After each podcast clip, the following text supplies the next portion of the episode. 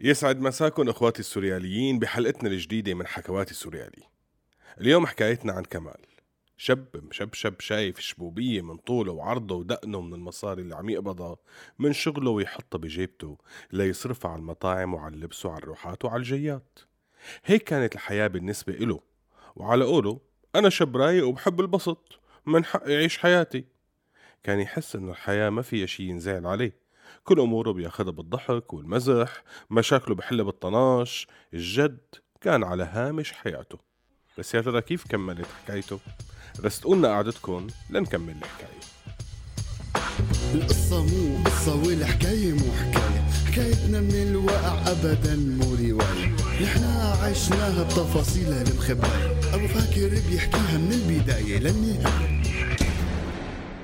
لما صارت الثورة انزعج كمال كتير. الموضوع كله ما عناله غير إنه ما عاد يقدر يروح كل مشاويره لأنه المناطق البعيدة تسكرت وصار يتضايق من العجقة على الحواجز. كنا عايشين وما أحلانا. هيك كانت طريقة تفكيره. رفقاته القدما انقسموا لثلاث أقسام. قسم تبنوا الثورة قسم تبنوا التشبيح. وهو كان من القسم الثالث تبع لا دخلنا ولا خرجنا يعني مثل ما بسموهم رماديين. هلا صح كانت دراسته هندسة بس كان الهدف من دراسته البرستيج. كان يحب ينقال عنه المهندس كمال.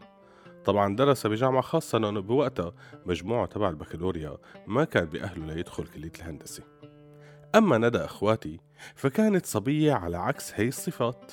بنت طموحة شاطرة فهمانة الحياة وعم تلعبها صح. ملحقة على دراسة وشغل ورفقات.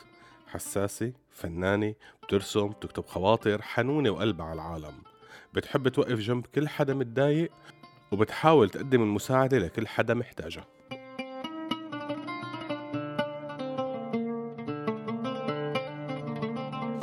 بيوم من الأيام وبوحدة من الجمعيات اللي كانت ندى دائما بتروح عليها اجتمعت بالصدفة بكمال يلي كان رايح لهونيك من باب التجربة. قالوا له في بنات حلوين والجو ظريف وبعدين يعني قصة التطوع صايرة موضة بهالأيام. برستيج! من أول ما وصل كمال لفتت له نظره ندى شافها بنت حلوة إلى طلتها حيوية طاقتها حلوة والعالم بالجمعية بحبوها. فصار يدور على طريقة ليقرب منها ويحكي معها. وبعد تفكير لقى إنه أنسب طريقة يعمل حاله عم يسألها إنه كيف بده يتبرع للجمعية بشوية مصاري؟ وين لازم يتبرع؟ شو هي الطريقة؟ هلا من وجهة نظره فكر إنه بكون هيك ضرب عصفورين بحجر. منه بكون فرجاها إنه هو شاب غني ومعه مصاري. وبحسب اعتقاده ما في بنت بتقول المصاري لا. ومنه بيكون خلاها تفكر إنه هو شاب كريم بهمه الأعمال الخيرية وهالقصص يلي بحياته ما لفتت له انتباهه.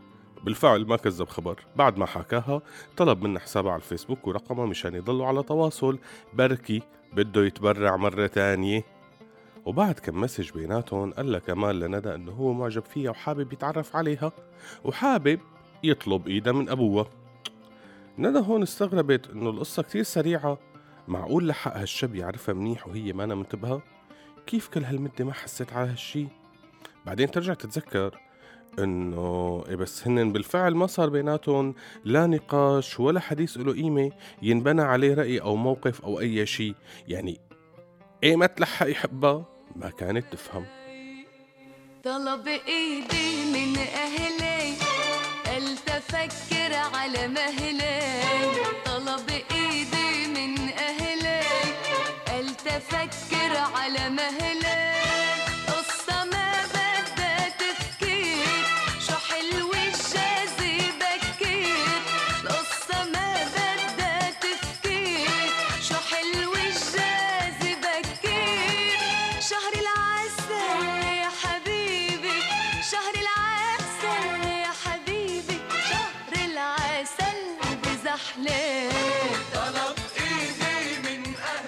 هلا ندى مو متعودة تتخذ قرار بدون ما تستشير أهلها مع أنها دائما كانت بتحلم أنه يجيها شاب تجتمع فيه ويتلاقوا فكريا ويتناقشوا ويحكوا ويتعرفوا على بعض منيح ويحسوا بمشاعر تجاه بعضهم قبل ما تصير القصة جدية ويصير فيها خطبة وجازة أما كمال فلسه ما بتعرف عنه شي غير أنه شاب حليوة اجتمعت معه بهالجمعية.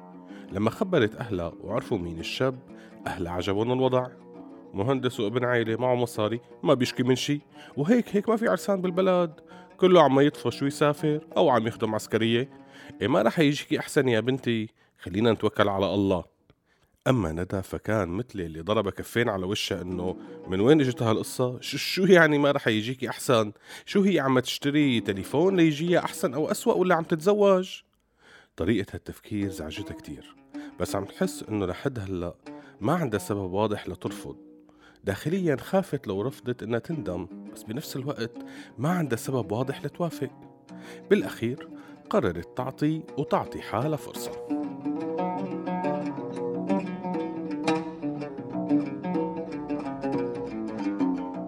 صاروا يحكوا مع بعض بشكل يومي. بالبداية حست إنه في فجوة بيناتهم. حاولت تغض نظر عنها وتكمل. إنه في كتير خلافات واختلافات بس حاولت تتجاوزها. جربت تقرب بس مع كل محاولة تلاقيه لسه بعيد. كانت عم تحاول تفوت لأعماقه بالوقت اللي هو سطحي كتير. لما تطلب منه إنه يقراها يفهمها من جوا كان ما يشوف منها إلا إنه ظريفة. شكلك حلو يعني هيك الطلعة معك والقعدة حلوة. أنا الشاب الكول اللي بيسمع 50 سنت سيارتي بتلمع وما بقى ايفنت عندي الشاليه فيلا بثريا وإكس مسليبان أنا خيا عملت حالي هبلة وعملت حالي مسطولة ما حكيتو شي وعاوج البسمة الخجولة عملت حالي هبلة وعملت حالي مسطولة ما قلت له شي وعاوج البسمة الخجولة بلشت تضوج وتسأل وتستشير. كتار اللي قالوا لها كملي بهالجوازة مو دائما بيجيكي هيك شاب. ومع كل نصيحة من هالنوع كانت تتوتر وتنضغط أكتر. إنه معقول هي هي الأسس يلي هلأ بده ينبنى عليها الزواج؟ معقول أنا غلطانة ومفزلكة على قولة أهلي واللي حواليي معقول المشاعر والتوافق الفكري بيجوا آخر بند بمعايير الاختيار؟ معقول إني أقبل بجوازي ماني حاسة فيها بأي مشاعر وشايفة فيها فجوة كل ما أحاول أردمها لاقيها عم تكبر أكتر؟ أنا قبلانة إني ما أتجوز أبدا على إني يكون جزء من مشروع عائلة فاشلة نهايتها أما الطلاق أو التعاسة الدائمة. وقررت إنها تعتزل من كمال. وكملت حياتها وهي عم تسمع لوم من أهلها ومن رفقاتها. بس هيك هي كانت مرتاحة من جوا. هيك عقلها وهيك حياتها. أنتو شو رأيكم؟ استولعناكم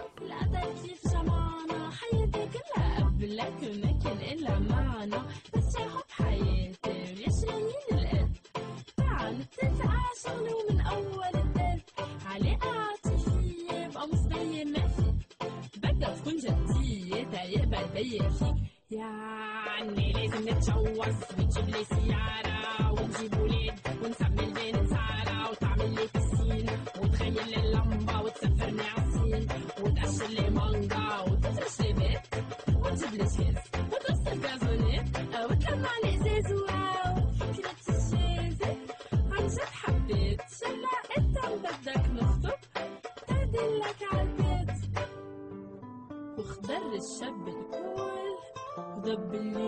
الليلات وقال لي آه سوري مشغول ولازم ارجع هذا البرنامج من إنتاج راديو سوريالي 2018 عم تسمعوا راديو سوريالي